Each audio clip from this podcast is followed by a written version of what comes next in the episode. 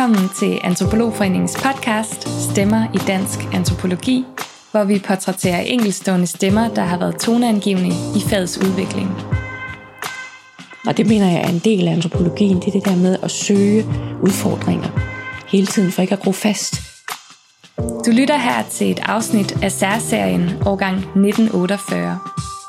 I denne serie hylder vi fem fremtrædende kvindelige antropologer, der alle er født i 1948. Da vi opdagede, at de alle fyldte 70 i det forgangne år, blev vi nysgerrige efter at høre mere om deres arbejdsliv, og vi satte dem derfor stævne til en samtale om deres liv med antropologi. Som akademiker for mig har det været vigtigt, at man kunne arbejde som, som en ildsjæl, og ikke bare som en, en lønarbejder. I samtalerne vil du høre om, hvordan de fem kvinders relation til antropologi på vidt forskellige måder har taget form og udviklet sig i en sammensmeltning af personlige og faglige omstændigheder. De fortæller om nysgerrighed, om hårdt arbejde og ikke mindst om de vendepunkter og tilfældigheder, der har defineret deres professionelle udvikling. Hvis man vælger sådan et, en, en form for lærdom, som det her er, jamen så, bliver det, så vælger man en livsstil. I det her afsnit af årgang 1948 vil du møde Dr. Fil i antropologi, mangeårig skribent og tidligere chefredaktør på Weekendavisen, Anne Knudsen. Jeg, jeg tror, at jeg, har bidraget med, øh, med, med sådan en uforfærdet selvstændig tænkning. Altså, jeg er først og fremmest ikke bange for ret meget. Anne har med sin uforfærdede og kritiske tænkning gjort sig bemærket både inden og uden for universitetets mure. Hendes navn vinder genklang hos andre end fagets indvidede, hvilket blandt andet skyldes, at hun har rejst betydningsfuld debat i Danmark om emner såsom EU og om det, hun har benævnt velfærdsstatens intimisering af omgangsformer. Vi møder Anne en onsdag i januar i hendes dagligstue på Frederiksberg. Jeg hedder Anne Knudsen, og jeg er 70,5 år. Og øh, jeg begyndte at læse antropologi i virkeligheden først i 1972, og blev øh, magister i 81, og så blev jeg doktor i 89. Og øh, da jeg blev færdig der i 81, der var arbejdsløsheden altså helt vildt meget større, end den er i dag. Det var helt altså sygt, så lidt arbejde der var til antropologer. Men jeg tænkte, at jeg skulle komme efter men jeg skulle bare lære dem. De skulle ikke tro, de kunne forhindre mig i at være antropolog, bare fordi de ikke ville ansætte mig. Men øh, så var jeg så heldig at øh, få et af de der meget sjældne forskningsstipendier. Og så havde jeg 15 års udmærket forskningsliv i antropologien, indtil jeg i 1996 blev fristet af at lave noget andet her i livet. Og så gik jeg til øh, avisverden, og der har jeg så været siden. Altså indtil jeg holdt op her for to år siden, der gik jeg fra jobbet som chefredaktør på Weekendavisen, og så har jeg, jeg tænkt, nu skulle jeg have en tredje karriere. Øh, nu skulle jeg skrive nogle bøger, og det har jeg så begyndt på. Den første kom her i september og handler om min barndom og hedder Hvor jeg var barn, var der isbjørne. Ja, den her erindringsroman fra ja. Grønland i 50'erne, som ja. jeg så læst, du har skrevet. Lad os starte måske indledningsvis til at gå lidt tilbage til det her med din indgang og dit møde med antropologien. Ja. Kan du huske første gang, du mødte antropologien, både som fagdisciplin, men også som verdensanskuelse? Ja, det kan du tro. Øh, sagen var, at jeg blev student i 67, og jeg var kommet fra Grønland øh, nogle ganske få år før, og følte mig fuldstændig forfærdeligt dårligt tilpas i Danmark. Jeg synes, det var, det var helt usandsynligt svært at forstå Danmark og finde ud af at være her. Jeg havde virkelig, virkelig svært ved det. Og det faldt jo sammen med, altså 1967 øh, faldt jo sammen med, kan man sige, optakten til det, der går under navnet 68, og som jo var en længere periode med med oprørsfornemmelser og sådan. Og dengang var der fri adgang til universitetet, så jeg startede med at læse fransk og spansk. Og øh, jeg var utilfreds med det, og synes ikke, at det var interessant. Og jeg synes, jeg ville noget, som man ikke kunne. Så læste jeg klassisk filologi i et par år, altså græsk og latin. Jeg var klassisk student. Og det synes jeg heller ikke... Øh, ah.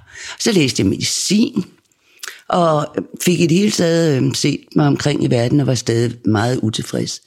Øh, og så sad jeg en aften på et kollegekøkken ude på Amager, og brokkede mig over det der med, at jeg synes, universitetet var meningsløst, og, og at man ikke kunne komme til at gøre det, jeg ville. Og så var der en, en fyr, der sagde til mig, det lyder som om, det er antropologi, det du vil lave. Og jeg havde simpelthen aldrig nogensinde hørt om antropologi.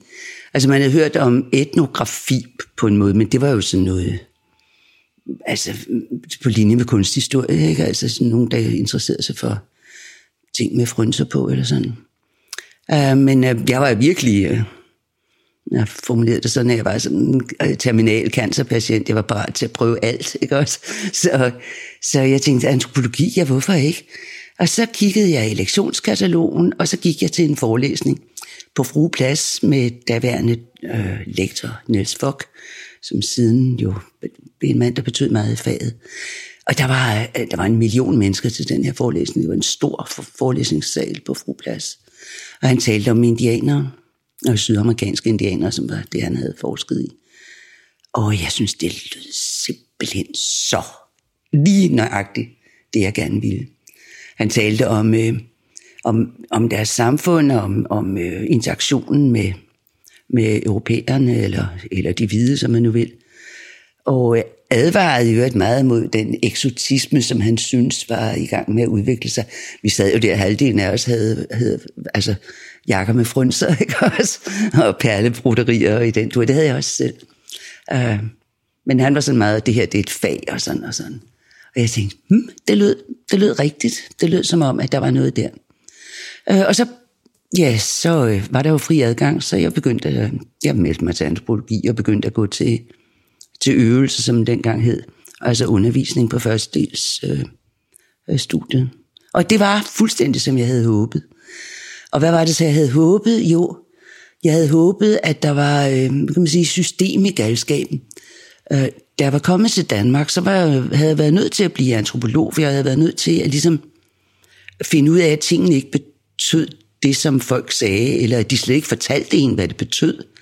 Så jeg havde ført øh, dagbog derfra jeg var de der 14, 15 år, hvad det egentlig betød, det som folk foretog sig med de her eksempler, som jeg plejer at nævne, ikke, der står i dagbogen, jeg har den endnu.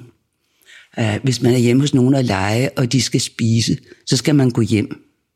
Også selvom de siger, man gerne må blive. Altså, sådan er det i Danmark. Sådan er, sådan er det ikke i Grønland. Uh, men det havde jeg jo selv måttet regne ud. Og det der med, at det hed noget, at det var et, at, at det var et rigtigt fag, at det ikke bare var mine egne fortvivlede forsøg på at forstå, hvad djævlen der foregik rundt om mig det var en fuldstændig åbenbaring. Så, øh, så var jeg bare glad og lykkelig. Og kastede mig over det hele, og bøgerne og artiklerne. Og, ja. Du startede tilbage i 1972. Ja. Jeg kunne forestille mig, at antropologistudiet dengang øh, var noget meget andet, end det er i dag. Kan du tage os tilbage til dengang? Hvilke tankestrømninger var sådan dominerende i antropologien på det tidspunkt? Ja, det er nemt at overskue, fordi øh, det her var øh, marxismens øh, glansperiode. Øh, altså, man kunne simpelthen ikke vise sig på universitetet stort set, hvis ikke man øh, kunne sin øh, kapitalen. I hvert fald første bog. Øh, og øh, så der var nogle kæmpe diskussioner, fordi faget havde jo en tradition, som ikke var marxistisk, selvom dele af den jo var øh, Marx-inspireret.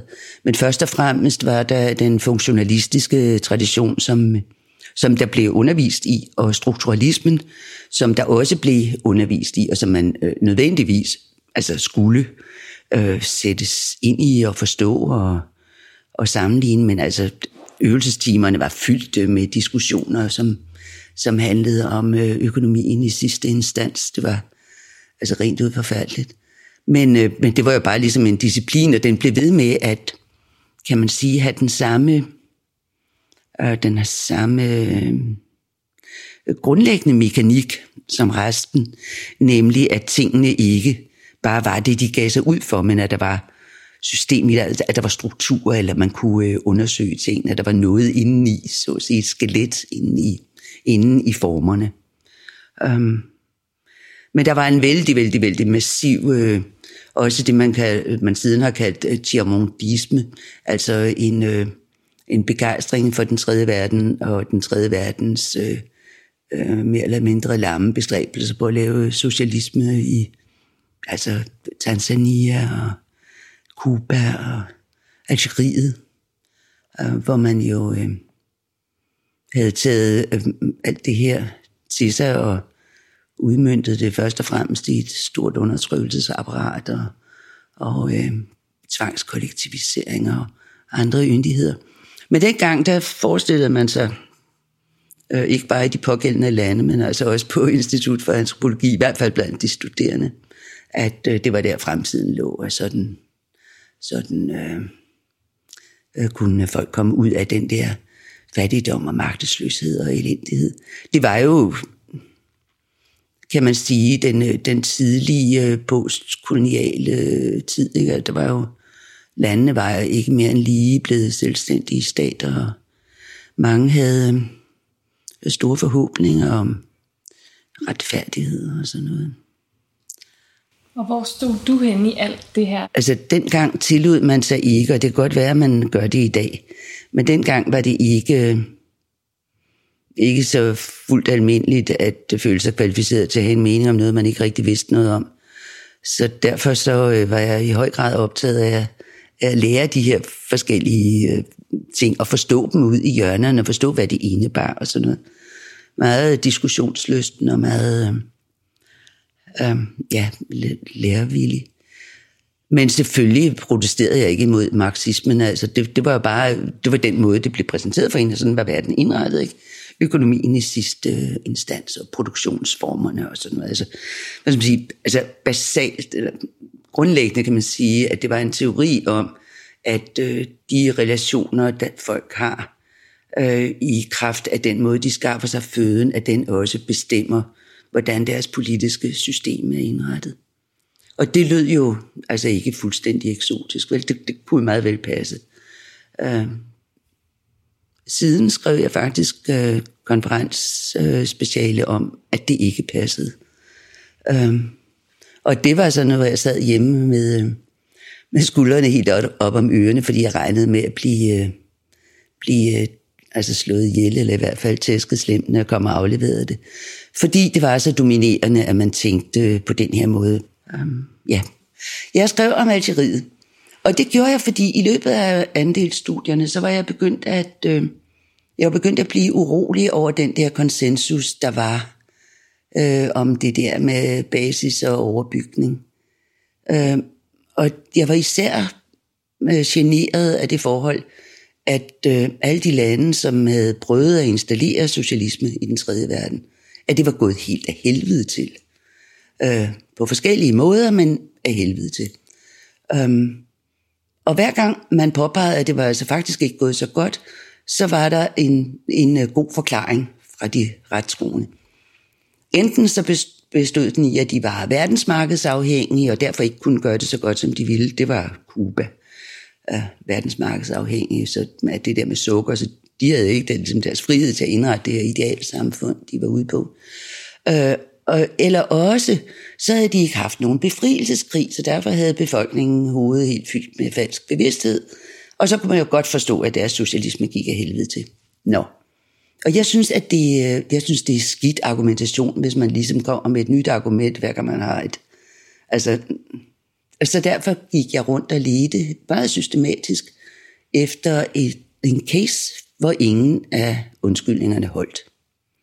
Og der var Algeriet simpelthen super. 8 års befrielseskrig, og på det tidspunkt øh, havde de øh, 47 procent af verdens fossile brændstofressourcer. Der var med andre ord ingen grund til, at det ikke kunne gå godt.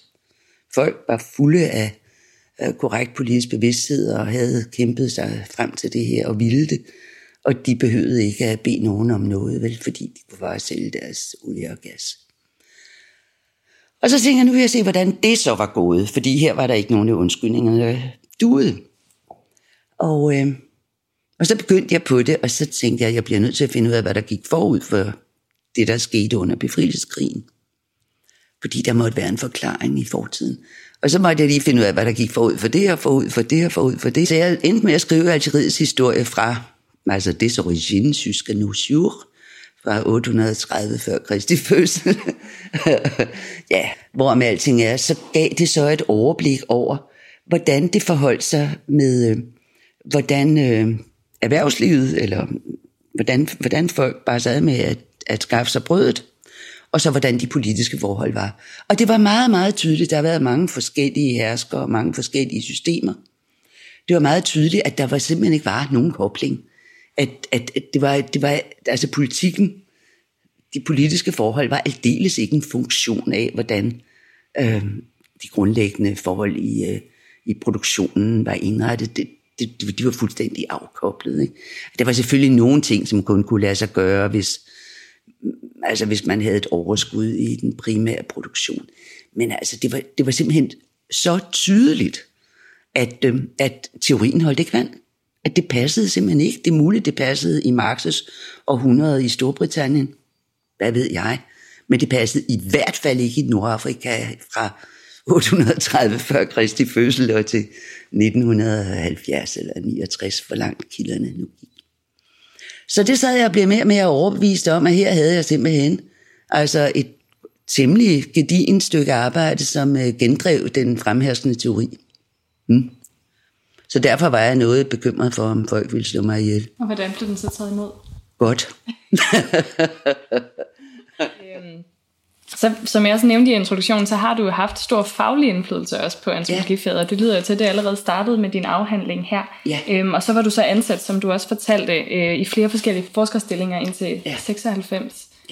Andre har beskrevet dit fagområde som øh, europæisk kultur og europæiske minoriteter. Mm. Øhm, og du har arbejdet en del med historisk antropologi, og nu vil jeg gerne spørge dig, hvordan vil du selv karakterisere dit fagområde, og hvorfor valgte du at engagere dig i det her fagområde, og hvorfor valgte du i din doktordisputat at tage til Korsika, lave feltarbejde og tage i arkivet? Når det blev Europa, jeg kom til at forske i, så havde det to forklaringer, og den, øh, den elementære er den øh, dominerende. Jeg havde tre børn. Jeg var ikke parat til at øh, rejse til Sydamerika eller eller Fjernøsten. Jeg havde interesseret mig faktisk meget for Sydamerika og også meget for Kina. Øh, men jeg var ikke parat til at tage nogle af de her steder hen øh, og lade mine børn blive hjemme, og jeg var ikke parat til at tage dem med. Og de havde også en far, som heller ikke følte nogen øh, nævneværdig trang til at blive øh, anbragt på en sydhavsø sammen med mig i et par år. Altså, det, det var simpelthen ikke realistisk. Og altså, rigtig mange af dem, der har studeret Europa både før og siden, har jo gjort det af de her elementære praktiske grunde. Uh, nu kom jeg så så langt ud i kanten af Europa, som, som man næsten kunne komme. Og det gjorde jeg, fordi uh, mens jeg skrev det her om Algeriet, uh, så var jeg snublet over forskellige andre ting, blandt andet tuarererne i det centrale Sahara. Og jeg synes, at det var det, blev mere, det kom til at blive mere og mere interessant, et, et forhold, som man jeg også kunne se i den der lange historie, som jeg havde skrevet om. At øh, de her mennesker i det her område, øh, de var ikke til at regere, de blev ved med at gøre oprør. Der var, der var simpelthen hele tiden, cirka hver 50. 20. år, så var der sådan et oprør. Øh, og det interessante ved de oprør, eller en af de interessante ting var, ved dem var, at de lød ens. De sagde stort set det samme. Altså, de ville ikke have den der... Øh, de var vendt imod øh, luksus og, øh, og mod øh, bycivilisationer bycivilisation og idealiseret øh, øh, fattigt, eller øh, beskedenhed og enkelhed og egalitet. Lighed mellem mennesker. Og det var så det, hvordan, altså, hvordan bærer de sig ad? Altså, hvordan øh, transmitterer man et værdisæt igennem generationerne? Og nu havde jeg jo gået til undervisning i øh, forandringsantropologi, og var blevet fortalt om øh, forandring i både det ene og det andet øh, regi. Og så slog det mig, at, øh, at man jo ikke kan vide, om det er rigtigt, øh, at tingene ændrer sig af nogle bestemte grunde, hvis man ikke ved, hvad der får dem til at lade være med at ændre sig. Altså man bliver nødt til at have en teori om, øh, om kontinuitet for at have en plausibel teori om forandring. Og det havde man ikke at den, der, den fandtes simpelthen ikke. Der var ikke nogen, der stillede sig det her spørgsmål.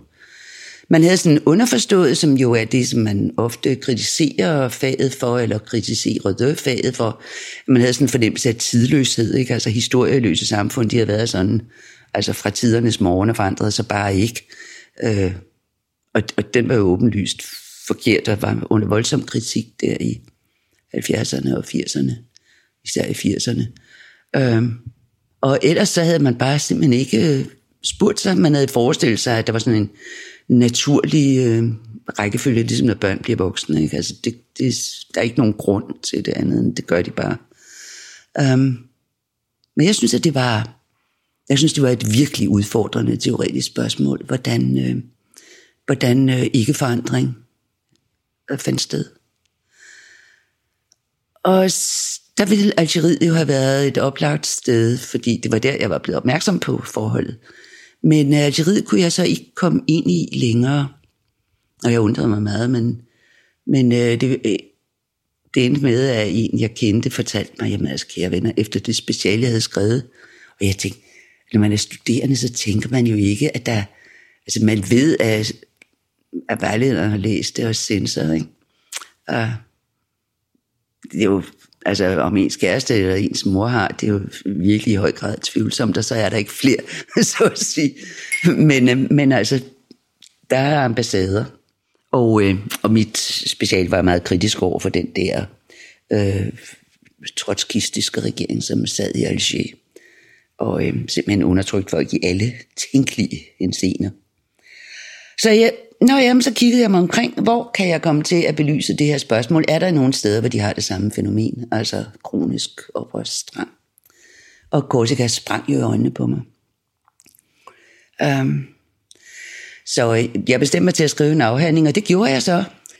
Men øh, da jeg så havde skrevet den, så tænkte jeg, at den så meget klog ud, så, øh, så tænkte jeg, nu indleverer du den som disputats, i stedet for, øh, så kan du altid indlevere den som, licentiatafhandling, hvis den nu ikke er god nok til at blive doktor, for så tænkte jeg, en gang for alle, så er den ged ligesom barberet.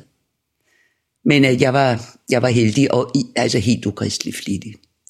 Altså skrev artikler og rejste til konferencer og lad os sige, øh, altså jeg publicerede på 13 sprog, ikke? Øh, og virkelig øh, altså fået har gjort mig bemærket så meget, at jeg kunne, samtidig med at jeg havde tre små børn og i øvrigt fik diskusprolaps. Så jeg, men jeg var alt, jeg er fyldt med energi. Annes meget roste doktordisputat står som et solidt og velskrevet bevis på den historiske antropologis væsentlige bidrag til at forstå tidsløse problematikker og stadig relevant antropologisk læsning den dag i dag. Men hvordan må Anne selv vil beskrive hendes bidrag til faget? Det tillod vi os at spørge hende om. Jeg, jeg tror, at jeg, jeg har bidraget med, øh, med, med sådan en uforfærdet selvstændig tænkning. Altså, jeg er først og fremmest ikke bange for ret meget. Og derfor tør jeg også stille spørgsmål, som ligesom ikke... Øh, mm, altså, jeg er ukonventionel, ikke? Jeg har haft en ukonventionel barndom, og har... Øh, og ikke, øh, og ikke bange for ret mange mennesker eller ting. Så derfor tør jeg stille øh, altså kritiske spørgsmål, også til, til noget, der er en meget, meget, meget massiv konsensus om. Um, og så, øh, altså jeg er ikke bange for at dumme mig eller, eller, eller for at blive sagt imod. Altså jeg kan bedre lide, hvis man ikke siger mig imod, ikke? Men, øh, men jeg er ikke så bange for det. Og, og jeg har bidraget jo både til at, øh, at begribe, at europæiske lande og europæisk kultur, og ikke bare sådan noget ude i i, altså i eksotiske lommer og hendøende erhverv, at, at det er, er kultur. Og, og det er noget, man kan analysere, og det folk foretager sig ikke nødvendigvis bare er fornuftigt. Det har jeg i høj grad bidraget med. Og derfor har jeg også bidraget med at gøre det muligt øh, for en hel del øh, yngre fagfælder at bedrive meningsfuld forskning, uden at, øh, at det skulle altså blive, øh, uden at være afhængige af Danida, eller, øh, eller at, de kunne slæbe deres mand og børn til, øh, til Bali. Ikke? Altså en, øh, en øh, uforfærdighed, som jeg tror, jeg har kommunikeret til, til øh, rigtig mange. Men Anne, i 96, som du sagde, så forlod du så forskningen af universitetet, og du begyndte for alvor at engagere dig i journalistikken ja. Ja. og oplysningsarbejdet. Hvad fik dig til at skifte stil på det tidspunkt? Jeg tror, man kun får et liv. Hvis jeg skulle lave noget, som jeg ikke allerede vidste, jeg kunne, så skulle jeg til noget andet. Og desuden så var det jo sådan, at der i, øh, i 90'erne, Altså, det begyndte vel i slutningen af 80'erne, men i begyndelsen af 90'erne, der startede den der, jamen jeg ved ikke, det er nærmest en psykose, som stadigvæk plager universiteterne, at folk går rundt og, og altså, mukker og brokker sig og synes, de har det hårdt, og at verden er uretfærdig, og de føler sig miskendte og besparet, og al den der glæde, der var ved, ved at altså, have de her, et, et privilegium, som at bruge sin arbejdsuge på at dels selv blive klogere, dels gøre andre mennesker klogere. Det fordampede fuldstændig al den her travrighed. Øh, og jeg synes, det var så træls. Og så tænker jeg, hvis man skulle lave noget om, så kunne man i hvert fald ikke opnå det ved at gå rundt og, og brokke sig på universitetet. Hvis man skulle have indflydelse på forskningens status i samfundet, og sådan, så må man andre steder hen. Ja, og så var der nogen, der spurgte mig. Ja, for lad os tale lidt mere om det her med dit arbejdsliv, fordi du, du er virkelig en af de få antropologer, der har blandet sig i debatten og været meningsdanner. Hvordan har du kunne bruge dine antropologiske kompetencer i det her arbejdsliv uden for universitetsregiet? Altså, hvordan er det blevet øh, modtaget, din, dine antropologiske færdigheder, både som leder, men også sådan i journalistikken? Jamen, altså jeg har sagt det før, jeg begriber slet ikke, at nogen tør være leder uden at have noget antropologi, vel? Altså fordi øh, det er jo det er en helt, helt, helt kolossal øh, fordel i ledelse, at man har en form for begreb om, hvad der foregår imellem medarbejderne at man kan se mønstre og er klar over, hvordan det er med, øh, med at folk tilskriver hinanden roller og, og reagerer på. Altså, det er jo elementært. Det er jo, det er jo, det er jo ligesom feltarbejde, at sidde og kigge på sådan en medarbejderstab, og så tænke, hmm, hvad skete der lige der, når det er på grund af sådan og sådan. Og, og det er også noget, som gør det øh, muligt at, øh, ja, altså at manipulere folk, ikke? i stedet for bare at gænde rundt med dem hvad der jo er, det god ledelse består i, det består i at få folk til selv at have lyst til at gøre det, man gerne vil have, de gør. Ikke? Uh, antropologi har jo som en af sine, en af sine grunddele, at man øh, prøver at forstå, hvordan verden ser ud fra den andens synspunkt. Altså, hvordan er det at være den her anden? Og det, det tror jeg, altså der kommer meget dårlig ledelse af ikke at stille sig det spørgsmål. Jeg kunne godt tænke mig at vende en lille smule tilbage her til sidst, øh, til noget af det, du sagde helt i starten. Øhm, du har tidligere også i et interview på Raison sagt, at øh, journalistikken og forskningen har ansvar for at forsyne folk med argumenter. Ja. Og jeg kunne godt tænke mig at høre lidt mere, mere om, hvad du mener, sådan, både forskningsrolle er i demokratiet, men også måske hvilken rolle antropologien særligt bør tage i oplysningsarbejdet.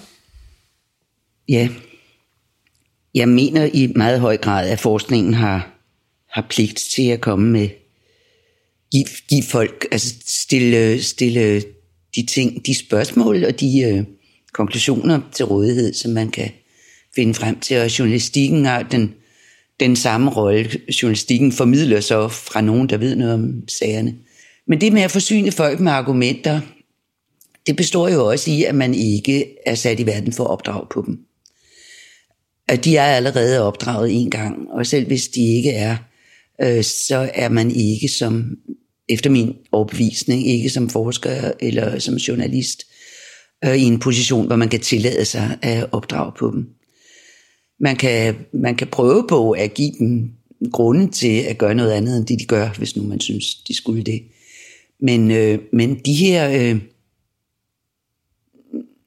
manipulatoriske eller udskammende øh, formidlingsformer, som, som desværre herrer en hel del, synes jeg simpelthen er en uting, og det mest forfærdelige, det er, hvis man, hvis man ligesom prøver at skamme folk ud og få dem til at forstå, at øh, ting, som de faktisk ikke ønsker, altså som de er uenige i, øh, så, øh, så er det ovenikøbet kontraproduktivt, ikke? fordi for det første, så øh, altså får man ikke folk til alligevel jeg synes, at man kan Søren Jens også være lykkelig, så man går med hijab midt på Nørrebrogade. Øh, men øh, man, får, man får også ved samme lejlighed ødelagt sit gode navn og rygte. Altså man får, øh, man får skadet sin egen troværdighed, hvis man, øh, hvis man prøver på at, at øh, være en, øh, en magtinstans i forhold til folk. Altså Man har jo med alle mulige grund til at fortælle, hvad man mener, man har fundet ud af. Og altså, det har jeg selv gjort i stridestrømme. Øh, men, øh, men de har selv lov til at danse deres mening. Det er jo det, demokrati går ud på. Altså selv folk, som er dumme og uvidende, har ret til at have deres mening og har stemmeret osv. Øh, og antropologerne har ja, faktisk siden marxismens dage haft en, øh, en øh, marxismen er jo sådan par excellence, den retning, som forleder folk til, til øh, pædagogik og følelser som folkets avantgarde, som lige skal opdrage på dem, så de selv, så de selv næsten helt frivilligt kan indrette det ideale samfund. Men, øh, men det er sådan en akilleshæl, som hænger ved, at man synes, at øh, man synes, at man har som opgave at propagandere for bestemt øh, indretninger eller befolkninger eller sådan noget. Men så kan man jo, så må man jo så melde sig ud af, af fagligheden og sige, nu er jeg ikke, altså faglig, nu er jeg politiker. Ikke? Og det er ikke sådan noget, man kan være om formiddagen, altså faglig om eftermiddagen, det mener jeg ikke. Altså, det, det er ikke tro, troværdigt. Man har, man har meget brug for at være, ja, for en vis ydmyghed. Ikke?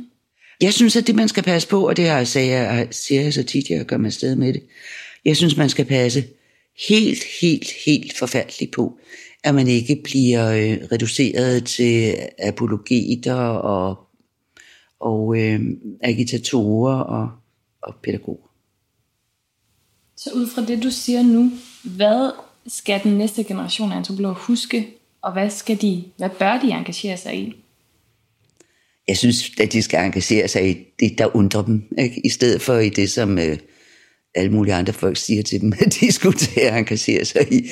Så derfor har jeg ikke tænkt mig at sige noget om noget særligt. Man, altså, det vigtigste, det vigtigste overhovedet, det er, at man har noget, man altså faktisk godt selv kunne tænke sig at vide. Ikke? Altså, at der er noget, man synes er underligt. Men det kræver sådan en vis civil courage, at, øh, at stå ved, at der er noget, man synes er underligt. Ikke? Hvis nu alle andre mennesker synes, at det er helt normalt, eller de ikke synes, der er noget spørgsmål, ikke? så er det jo... Så det er ikke nogen... Øh, det er ikke sådan en øh, sinegyr, øh, ikke at øh, ikke have sådan et, at, at have det som sit mål at øh, tilfredsstille sin egen nysgerrighed. Det er faktisk det, det er både svært og krævende at selv komme i tanke om, hvad man synes er, er øh, spørgsmål, der kunne være interessant at besvare. Det vanskelige ved forskning er faktisk ikke svarene, vel? Det, det vanskelige er spørgsmålene. At finde, finde spørgsmål, som, som kaster noget af sig. Men det er jo det, der er sporten, og det er jo derfor.